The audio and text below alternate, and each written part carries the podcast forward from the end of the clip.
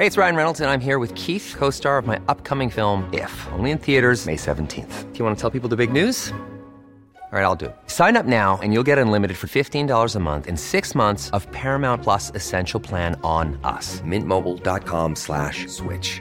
Upfront payment of $45 equivalent to $15 per month. Unlimited over 40 gigabytes per month. Face lower speeds. Videos at 480p. Active Mint customers by 531.24 get six months of Paramount Plus Essential Plan. Auto renews after six months. Offer ends May 31st, 2024. Separate Paramount Plus registration required. Terms and conditions apply if rated PG. Millions of people have lost weight with personalized plans from Noom. Like Evan, who can't stand salads and still lost 50 pounds. Salads, generally, for most people, are the easy button, right? For me, that wasn't an option. I never really was a salad guy. That's just not who I am. But Noom worked for me. Get your personalized plan today at Noom.com. Real Noom user compensated to provide their story. In four weeks, the typical Noom user can expect to lose one to two pounds per week. Individual results may vary.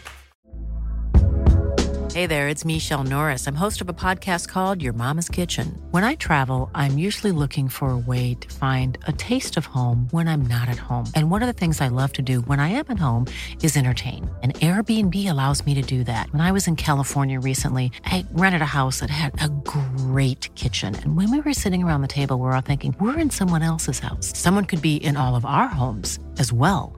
If you have a home, but you're not always at home, you have an Airbnb. Your home might be worth more than you think. Find out how much at airbnb.com/slash host. Helt siden de første menneskene slo seg ned i Trøndelag, har det blitt observert underlige lys over Hessdalen. Fenomenet har blitt forsøkt bortforklart som syner sett av bygdetullinger og deliriske hallusinasjoner forårsaket av den lokale drikkekulturen men det skulle vise seg at fenomenet stakk langt dypere, når Hessdalen-fenomenet fikk verdensomspennende oppmerksomhet i ufo-miljøet på 1980-tallet. Fenomenet er fremdeles der, og det er fremdeles like uforklarlig som den gang. I 2024 kommer en podkastserie i seks deler, produsert av Project Hessdalen, som kanskje en gang for alle skal finne svar på hva som rører seg på himmelen i denne bortgjemte dalen i Trøndelag. Serien har som seg hør og bør fått tittelen A Blaze in the Northern Sky, og den kommer til din favorittpodkast-avspiller i 2024. Kroppen var kald som is. Hjertet hadde for lengst sluttet å slå, men allikevel var det ingen andre tegn på at kvinnen var død. Ingen ville engang snakke om begravelse. Hun hadde dødd av sorg og sinne på grunn av skilsmisse. Det ville ha vært meningsløst å begrave henne, for når man dør med et ønske om hevn, kan ingen grav eller gravstein holde den døde i graven.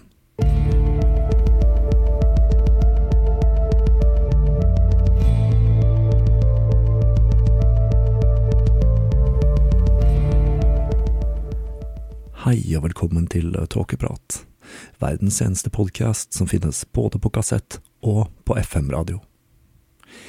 Jeg heter Even, og når jeg tar opp denne episode 215, er det søndag den 26. mars 2023. Det står ikke på tema å velge når jeg skal lage episoder til tåkeprat, men noen ganger så føler jeg for å ta for meg et litt mindre og enklere tema og styre unna de tunge, dyptpløyende seriene. Etter å ha begravet meg i gass, lakke og hatt en gjesteopptreden i Statskanalen dere snart får vite mer om, følte jeg behov for akkurat det jeg ble stående og klø meg i hodet foran bokhylla og saumfare notatbøkene mine på jakt etter et passende tema. For jeg kjente litt på at jeg er litt lei av poltergeist og nazister akkurat nå, og jeg trengte noe helt annet. Og da, mens jeg var nære ved å gi opp, kom jeg plutselig på at jeg for et par år siden syslet med tanken om å pusle sammen en episode om Lafkadio Hørn, en mann som har satt sitt umiskjennelige preg på horrorsjangeren, men som jeg vil tro er relativt ukjent for mange her i Vesten. Dette er noe så spesielt som en vestlig forfatter som har satt sitt preg på japansk kultur, og som nok har vært med på å forme vår oppfattelse av japansk skrekk. Japanerne er jo kjent for å være svært så, hva skal vi si, skeptiske til utlendinger. Dette er jo et ganske homogent øyland, og de har til og med et eget ord for alle som ikke er fra Japan, nemlig gaijin. Selv skulle jeg veldig gjerne ha vært en tur til Japan, selv om den lange flyreisen virker en smule avskrekkende på meg. Men siden jeg verken har tid eller penger til å dra dit fysisk akkurat nå, så tenkte jeg vi kunne ta en liten tur dit sammen og se litt nærmere på nettopp Lafcadio Hørn.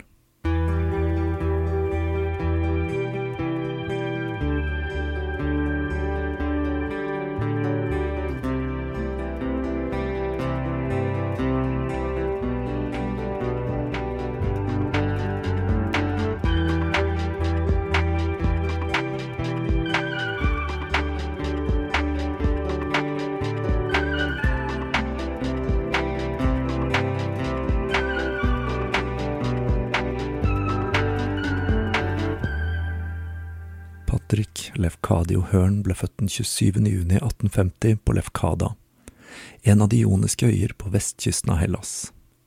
Faren var Charles Bush Hearn, en irsk offiser i den britiske hæren, og moren Rosa Antonia Casimati var en gresk kvinne fra den lille øya Kytira, som ligger utenfor sørspissen til det greske fastlandet. Charles hadde tjenestegjort i den britiske hæren og hadde vært stasjonert på de ioniske øyer hvor han møtte Rosa. De Joniske øyer var en gresk øystat under britisk beskyttelse mellom 1815 og 64. Tidligere hadde de vært under venesiansk styre, og det gjorde at kulturen der var sterkt påvirket av Vesten, noe som førte til at de øvre klassene på øyene snakket venesiansk. Rosa var fra overklassen, og det er mye mulig hun snakket dette språket, i tillegg til gresk. Men selv om britene hadde etablert et utdanningssystem både for gutter og jenter der, så var hun uutdannet og analfabet. Rosa og Charles fikk en sønn, George Robert, i 1849, og Rosa og George giftet seg i en gresk-ortodoks kirke den 25. november 1849. Men som en liten påminner om at alt ikke var bedre før man hadde moderne medisin, så døde sønnen deres året etter. Like etter Patrick Lafcadio ble født, ble garnisonen til faren flyttet til de vestindiske øyer, og han etterlot sin unge kone og nyfødte sønn på Lefkada. Han var nemlig redd for at ekteskapet og sønnen kunne slå negativt ut for karrieren hans, så han hadde ikke fortalt sine overordnede om verken kone eller barn. To år senere tok Rosa med seg sønnen og dro til Dublin, hvor de bodde hos svigermoren. Hun var ikke superbegeistret for sin nye svigerdatter, og likte verken hennes ortodokse bakgrunn eller hennes mangel på utdannelse. Rosa på sin side syntes det var vanskelig å tilpasse seg livet i Dublin, og hun og sønnen flyttet etter hvert til søsteren til svigermoren, Sara, som var en smule mer tolerant. Men det forhindret ikke at Rosa var plaget av en konstant hjemlengsel. Mot slutten av 1953 kom Charles tilbake til Dublin, hvor han ble et halvt år før han ble sendt til Krimkrigen. Mens han var i Dublin, så brukte han ikke så mye tid med sin kone og sønn. Det vil si, litt tid måtte han ha brukt, for Rosa hun ble gravid igjen. Men i tillegg innledet han et forhold til en gammel flamme som han etter hvert skulle gifte seg med. Charles krevde at ekteskapet med Rosa skulle annulleres, siden hun ikke hadde skrevet under på ekteskapskontrakten. Hun var jo analfabet, og det gjorde at ekteskapet var ugyldig ifølge engelsk lov. Som et plaster på såret fikk hun en slump med penger før hun flyttet tilbake til Kitira sommeren 1854, hvor hun giftet seg på ny like etter med en mann som krevde at hun skulle frasi seg foreldreretten til Afkadio, og den tredje sønnen hennes, James. James ble sendt til faren, og Patrick Lafkadio ble igjen i Dublin, hvor han ble tatt hånd om av Sara. Sara ble utnevnt til guttens permanente verge, og han skulle aldri få se sin mor igjen, og faren så han bare så vidt en gang til før han forlot Irland for godt og bosatte seg i India med sin nye kone. Men til tross for at Patrick Lafcadio vokste opp uten foreldre, vokste han opp privilegert i den øvre middelklassen, omgitt av tjenere. Dette var en familie med mye eiendom, som utmerket seg i akademia og militæret, og med flere kunstnerspirer, blant annet onkelen til Lafcadio, Richard Hearn, som var en maler som tilbrakte mye tid i Frankrike. Patrick tilbrakte tiden fra han var fire til 13 med tanten, og den perioden var med på å forme den gryende forfatteren. Han fikk hjemmeundervisning og hadde tilgang på det omfattende biblioteket til tante Sara. Han slukte bøkene til forfattere som Milton og skrekkhistoriene til Matthew Lewis, en engelsk forfatter og dramatiker som er kjent som en pioner innen gotisk skrekk, og som er spesielt kjent for sin bok fra 1796, The Monk, en bok som skulle være en stor inspirasjonskilde for Lefkadio. Lesingen hans hadde en skyggeside, og det var at gutten ble plaget av svært livaktige og skremmende mareritt, noe som ble illustrert i et essay han skrev i 1900, Marerittets berøring, hvor han skriver at det folk frykter mest fra gjengangere, er å bli berørt av dem.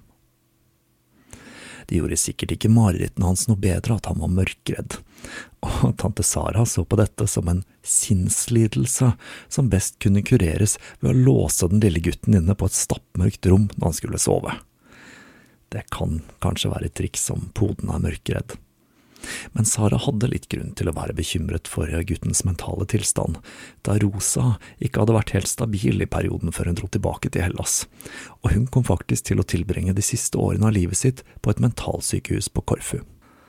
Nå kan det jo også tenkes at det ikke gjorde underverket for psyken hennes at mannen hennes forlot henne for en annen, og at hun hadde mistet det første barnet sitt. Hvem vet. Men det å sperre den lille Patrick inne på det mørke rommet kveld etter kveld, kurerte han uansett ikke for mørkeredselen. Det var enda et element i oppveksten som skulle sette skrekken i den lille gutten, og det var religion. Tante Sara hadde konvertert til katolisismen på grunn av sin avdøde mann, hun var altså enke, men hun var ikke spesielt religiøs av seg, i et Irland som var sterkt preget av kniving mellom protestanter og katolikker. Dag fikk familien besøk av en viss kusine Jane, og hun ble helt sjokkert når hun fikk vite at Patrick ikke visste noe om Gud, og hun begynte umiddelbart å fortelle gutten om helvetes pinsler og hvordan man ble brent levende for all evighet der om man ikke fulgte Guds vilje. Hvorpå hun brøt sammen i gråt, og så kysset de. Lafcadio skriver at han ikke husker hva som skjedde etter det, men at han følte en avsky for henne etter det hun hadde fortalt ham. Han hadde det ugreit nok fra før, skriver han, hun gjorde det bare verre. I tillegg til det mørke rommet og skrekkhistoriene fra Bibelen samt den amorøse kusinen, ble Lafkadio sterkt inspirert av irsk folklore. Ikke minst fortellinger om feer, et element han senere skulle blande med japansk folketro i fortellingene sine.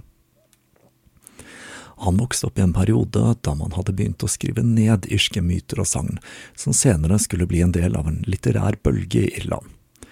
Her er det verdt å nevne at foreldrene til den ikke helt ukjente Oscar Wilde, sir William og lady Jane Wilde, var noen av de som samlet på nettopp irske folkeeventyr.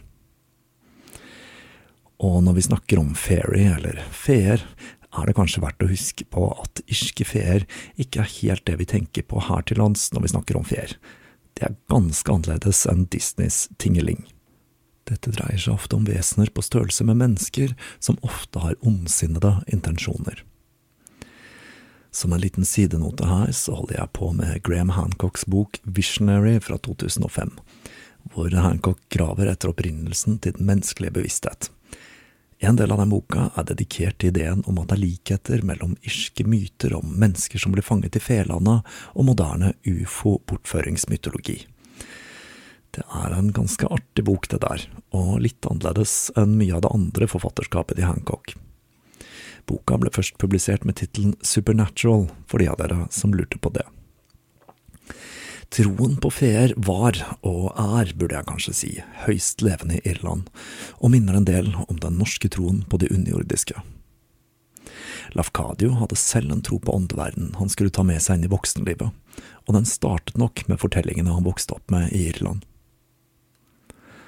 I 1861 ble tante Sara oppfordret til å sende Patrick til en katolsk klosterskole i Yvetot i Frankrike. Tilværelsen der gjorde han enda mer skeptisk til katolisismen. Men det kom én bra ting ut av årene han tilbrakte der. Han lærte nemlig å snakke og skrive flytende fransk, noe han skulle få stor nytte av senere i livet. I 1863, når Patrick var 13, flyttet han til Sara til England, hvor hun støttet den unge, nygifte businessmannen Henry Hearn Molinot økonomisk. Moren hans tilhørte nemlig den samme grenen av Hearn-familien som henne, og Sara var kjent for å være ganske gavmild, noe som gjorde at hun også støttet faren til Patrick økonomisk. Patrick begynte på en kostskole like utenfor Durham i Nord-England, og det var en tilværelse han ikke akkurat stortrivdes i. Det er vel strengt talt ikke så mange som stortrives på engelske kostskoler, men det at han hadde blitt forlatt av både mor og far, og nå også Sara, som satset alt på å hjelpe denne Henry, var ikke særlig oppbyggelig for den unge gutten. Tiden ved den strengt religiøse skolen gjorde at han tok enda mer avstand fra kristendommen, og at han begynte å føle seg dratt mot den klassiske greske sivilisasjonen.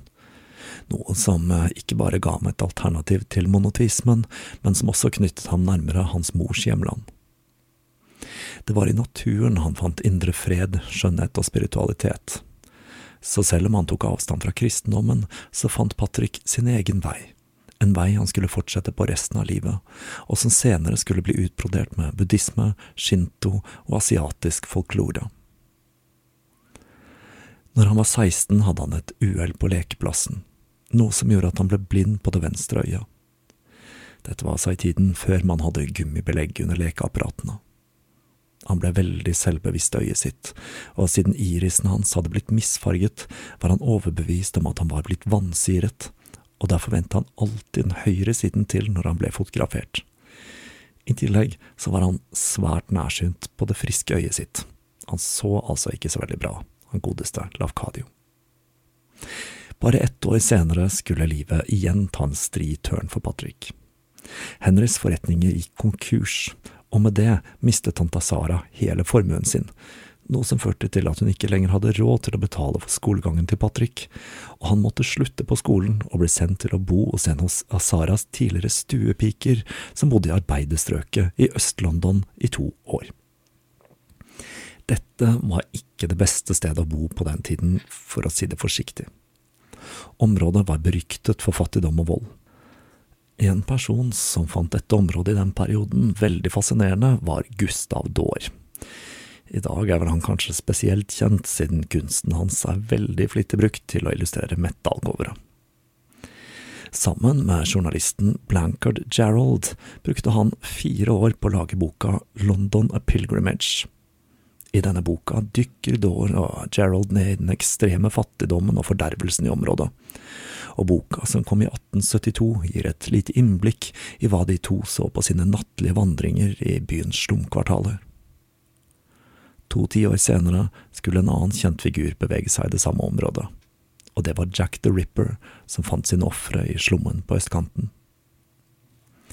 Patrick var fascinert av arbeiderkulturen han møtte på østkanten, og da spesielt visesangere som lagde viser om politikk, drap og andre dagsaktuelle tema. I tillegg tilbrakte han mye tid i Londons biblioteker og på British Museum. Den totale effekten de to årene i London hadde på Patrick, var at han begynte å føle en avsky for store, industrialiserte byer. Når han var 19, hadde Henrik klart å skrape sammen litt penger, og han kjøpte en enveisbillett til New York til Patrick, som var enda en storby han ikke fant roen i og i september 1869 dro han videre til Cincinnati, hvor han håpte å få hjelp til å etablere seg. Hiring for your small business? If you're not looking for professionals on LinkedIn, you're looking in the wrong place. That's like looking for your car keys in a fish tank. LinkedIn helps you hire professionals you can't find anywhere else, even those who aren't actively searching for a new job but might be open to the perfect role. In a given month, over 70% of LinkedIn users don't even visit other leading job sites. So start looking in the right place. With LinkedIn, you can hire professionals like a professional. Post your free job on linkedin.com slash people today. Millions of people have lost weight with personalized plans from Noom. Like Evan, who can't stand salads and still lost 50 pounds. Salads generally for most people are the easy button, right? For me, that wasn't an option. I never really was a salad guy. That's just not who I am. But Noom worked for me. Get your personalized plan today at Noom.com. Real Noom user compensated to provide their story. In four weeks, the typical Noom user can expect to lose one to two pounds per week. Individual results may vary. Av Henrys søster. Men hun var det ikke så mye hjelp å få av. Han fikk fem dollar i neven og et lykke til før han ble satt på gata.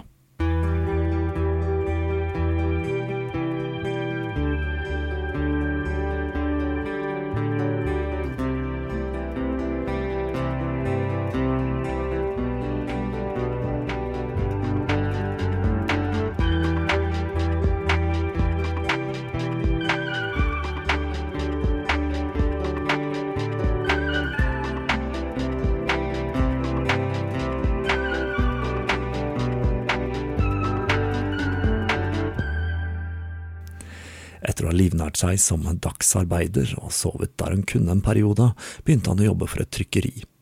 Og så forsøkte han seg som frilansjournalist, og han sendte artiklene sine til forskjellige lokalaviser, blant annet Boston Investigator, hvor han ble publisert under pseudonymet Fiat Lux. I 1871 fikk han beskjed om at tante Sara hadde dødd, og at Henry var utpekt til å forvalte arven hennes. Selv om han hadde blitt lovet et livslangt stipend fra arven til Sara når hun falt fra, mottok han aldri en krone, og han hørte aldri noe mer fra Henry. Gjennombruddet hans som journalist kom i november 1874, når han ble bedt om å skrive om et drap for det Cincinnati Enquirer fordi alle de vanlige journalistene til avisen hadde andre oppdrag. Hearn skrev historien om drapet som en dramatisk øyevitnefortelling, og den fenget så mye at historien ble trykket i flere store aviser, og med det var ryktet hans som en journalist sementert. Han spesialiserte seg på hva vi vel i dag ville ha kalt true crime, og artiklene hans ble veldig populære. Folk begynte å kjøpe Cincinnati Enquirer i håp om å få lese groteske historier om drap og sex utenom det vanlige. Det var mens han bodde i Cincinnati, Hearn droppet fornavnet Patrick til fordel for Lafcadio.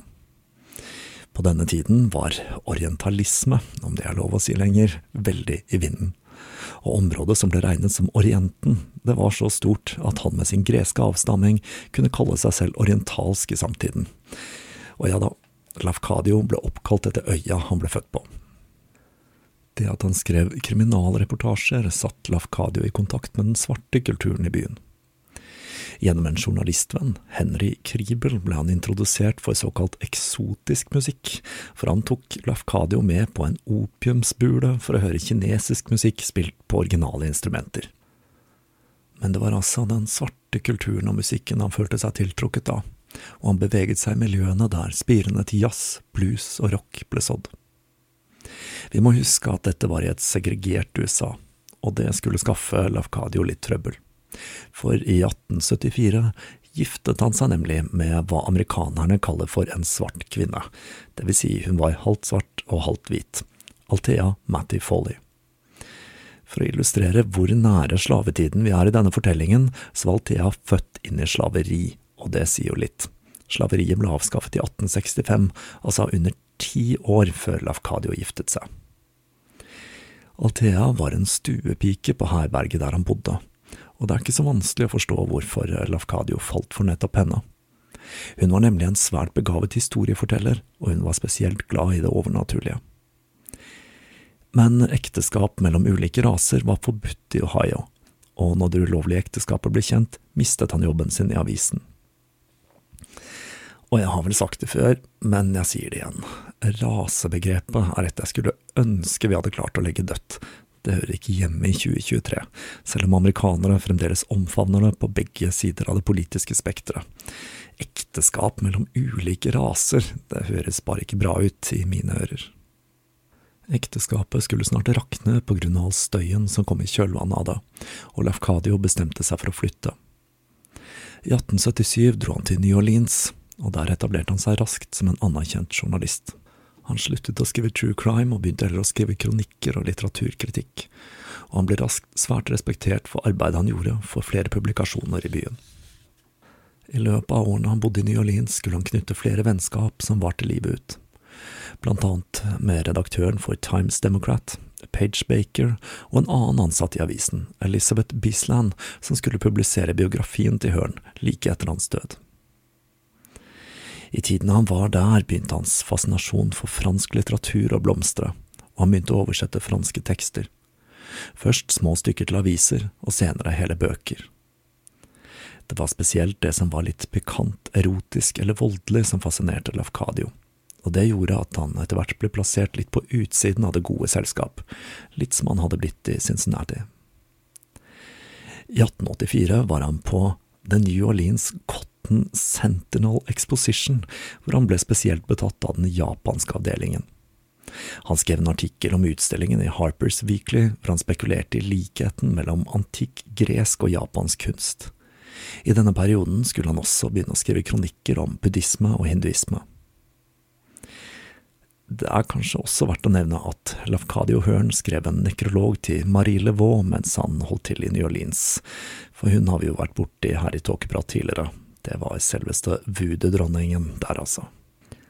Lafcadio Hearn tilbrakte to år på de vestindiske øyer, før han til slutt, i 1890, i en alder av 40 år, dro til landet han skulle tilbringe resten av livet sitt i, Japan. Like etter han kom dit, brøt han med den amerikanske foreleggeren sin, Harper og Brothers, siden han var litt misfornøyd med måten de redigerte teksten hans på, og ikke minst så mente han at han fikk for lite betalt for arbeidet sitt. Problemet var at han nå sto på bar bakke i et nytt og ukjent land, og han trengte en jobb for å kunne livnære seg. Han fikk seg jobb som lærer i Matsu, som er en liten by på Japans vestkyst, langt fra metropolen Tokyo. Der fant han det tradisjonelle Japan, og han forelsket seg. Ikke bare i landet og kulturen, men han fant en kvinne fra samuraiklassen, Setsuko Koizumi, som han giftet seg med, og som han i løpet av ekteskapet skulle få fire barn med. Lafkadio hadde kommet hjem. Han var ekstremt produktiv i perioden han var i Japan, og han skrev i gjennomsnitt én bok i året. Selv om han likte Matsue, så var det skrekkelig kaldt der om vinteren, så han tok med seg kona og flyttet til Kumamoto sør på øya Kyushu, hvor han igjen begynte å jobbe som lærer. Men perioden han bodde der, skulle bli den kjipeste han hadde i Japan. Han likte verken stedet eller folka som bodde der, så han flyttet igjen og fikk seg etter hvert en jobb i Kobe Cryonical, men han måtte si opp etter en kort periode der på grunn av problemer med øyet. I 1896 fikk han en jobb som foreleser ved universitetet i Tokyo, og det var en svært prestisjetung stilling. Og med flyttingen til Tokyo endret skrivestilen hans seg radikalt. Lafcadio likte ikke den dramatiske endringen av det føydale Japan til en moderne stat, men han innså at det ikke var noen vei utenom dersom landet skulle kunne forsvare seg mot imperialistiske vestlige stater. Han skulle beholde stillingen ved universitetet i Tokyo i åtte år, og i løpet av den perioden skiftet han statsborgerskap og tok navnet Koizumi Yakumo. I Japan setter man altså etternavnet først, og Koizumi var familienavnet til kona hans.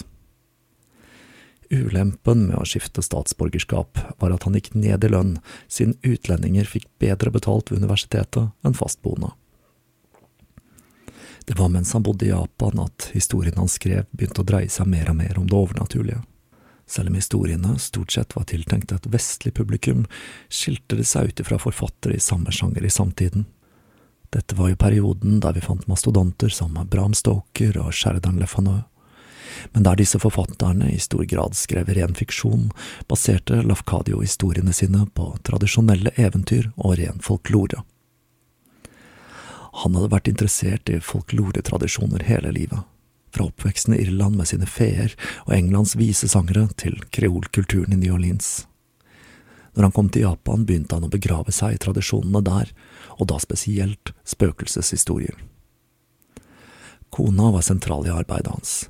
Hun hjalp ham med å finne bøker med gamle fortellinger, og oversatte dem og tolket dem for ham. Hun skrev selv en autobiografi, der hun forteller hvordan Hearn elsket å høre henne lese, spesielt om nettene, og om hvordan hun skrudde ned veken på lampen for å skape en ekstra skummel stemning når hun leste fram. Lafkadio ble helt bergtatt av fortellingene kona fortalte, og når han spurte om noe, var det med lav stemme, som for ikke å bryte magien i fortellingen. Han virket genuint redd når hun fortalte, og noen ganger virket det som om fortellingene fikk sitt eget liv. Noen ganger, skriver hun, virket det som om huset vårt var hjemsøkt, og noen ganger var jeg plaget av grusomme mareritt. Lafkadio kunne bli ganske intens under disse lesestundene, og spurte ofte hva Koizumi mente om det hun hadde lest, og ba henne utbrodere ting som ikke direkte ble beskrevet i teksten. Det var altså Japan Lafkadios interesse for det overnaturlige virkelig fikk vann på mølla. Troen på åndeverden var for ham en måte å avvise den vestlige materialismen på han følte at Vesten, med sitt sekulære verdenssyn, hadde skviset all åndelighet ut av verden. Og forfatterskapet til Lafkadio skulle bli mer populært i Vesten og senere i Japan enn han noen gang kunne ha forestilt seg i sine villeste fantasier. I viktoriatiden gjorde vitenskapen en rekke oppdagelser som rystet den tradisjonelle religionen i grunnvollene, og flere begynte å se østover for å finne svar. Det var jo i denne perioden Helena Blavatsky grunnla teosofien, nettopp tuftet på tankegods fra blant annet buddhismen, og nettopp buddhismen hadde en sterk påvirkning på Høren og historiefortellingen hans. Det samme gjaldt shinto, japansk animistisk religion, hvor troen på ånder eller kami og yomi no kuni, de dødes land, er sentral. I den buddhistiske doktrinen kunne sjeler som ikke var blitt gjenfødt, hjemsøke de levende om ingen tok seg av dem og ofret til dem i mellomlivet. Og man trodde at hele landsbyer kunne bli rammet av sykdom på grunn av ånder som ikke hadde blitt vist den nødvendige respekten. I japansk folketro finner vi også yurei, som er en type ånd som samsvarer med Vestens gjengangere. Dette dreier seg om ånden til mennesker som har endt sine dager på en måte som gjør at sjelen ikke finner fred.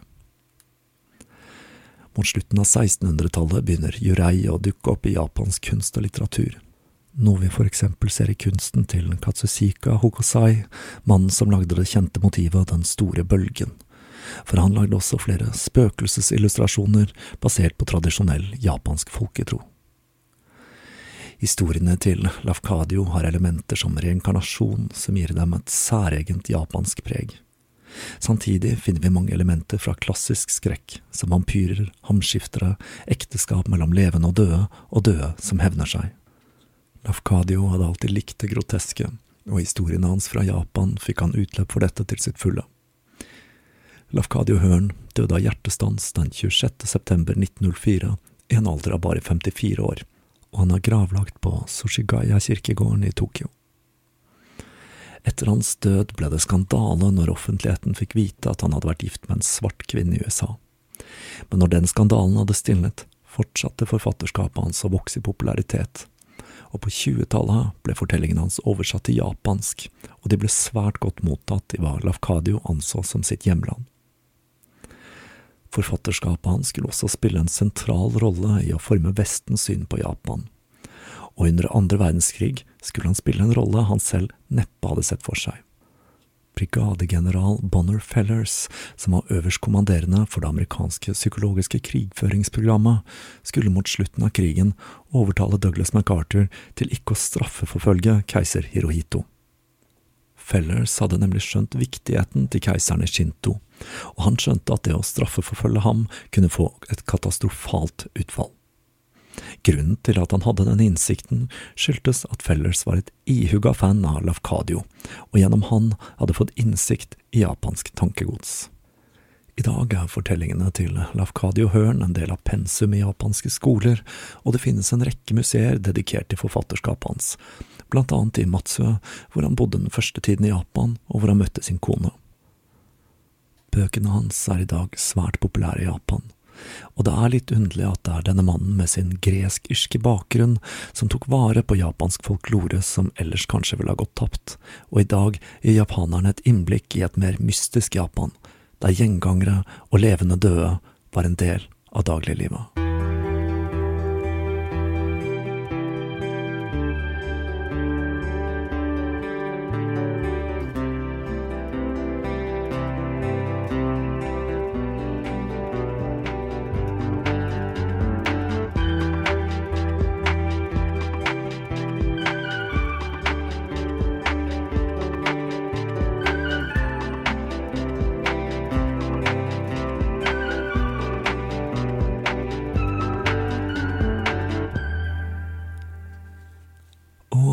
Avslutter vi historien om Lafkadio Hørn.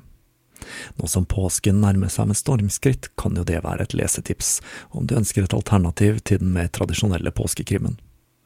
Jeg må si at historiene til Hørn tåler tidens tann veldig godt, og det er fremdeles svært underholdende lesning. Nå spørs det om jeg ikke skal gi meg i kast med en lengre serie fram mot sommeren her i Tåkeprat, og det betyr at jeg har en del lesing som må gjøres. Heldigvis er det mange røde dager framover, så jeg får litt ekstra tid til rådighet. I mellomtiden dukker jeg som sagt opp i Statskanalen, så det er jo noe å se frem til. Jeg kan vel røpe såpass at jeg ikke er NRKs nye ungdomssatsing, om det var noen som lurte på det. Nå begynner jeg også å gå tom for merch i nettbutikken, og jeg driver og sysler litt med tanken om å lage et nytt opplag av noen gamle klassikere der. Det kan tenkes at blant annet Tåkeprats skjeggpomade gjør et comeback. Vi får se hva det blir til. Enn så lenge vil jeg som vanlig takke alle som støtter Tåkeprat på Patrion. Alle som har donert via VIPS eller nettsida, alle som har handlet i nettbutikken, og ikke minst deg som hører på. I disse dager er det også mulig å høre tåkeprat på Radio Rakel, verdens eldste kvinneradio som sender på FM 99,3 i Oslo-regionen, og jeg er på lufta der hver torsdag morgen mellom åtte og ni. Jeg må si at det er litt stas å være med på noe så old school som FM-bonde. Vi høres igjen om ikke lenge.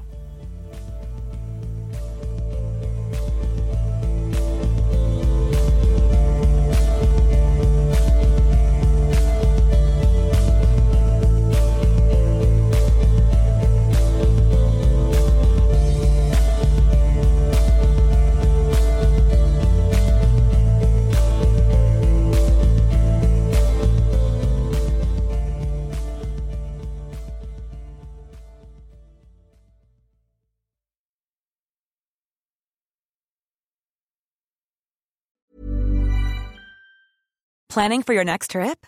Elevate your travel style with Quince. Quince has all the jet setting essentials you'll want for your next getaway, like European linen, premium luggage options, buttery soft Italian leather bags, and so much more. And is all priced at 50 to 80% less than similar brands. Plus, Quince only works with factories that use safe and ethical manufacturing practices. Pack your bags with high-quality essentials you'll be wearing for vacations to come with Quince. Go to quince.com slash pack for free shipping and 365-day returns. Even when we're on a budget, we still deserve nice things. Quince is a place to scoop up stunning high-end goods for 50 to 80% less than similar brands. They have buttery soft cashmere sweaters starting at $50, luxurious Italian leather bags, and so much more. Plus, Quince only works with factories that use safe, ethical, and responsible manufacturing.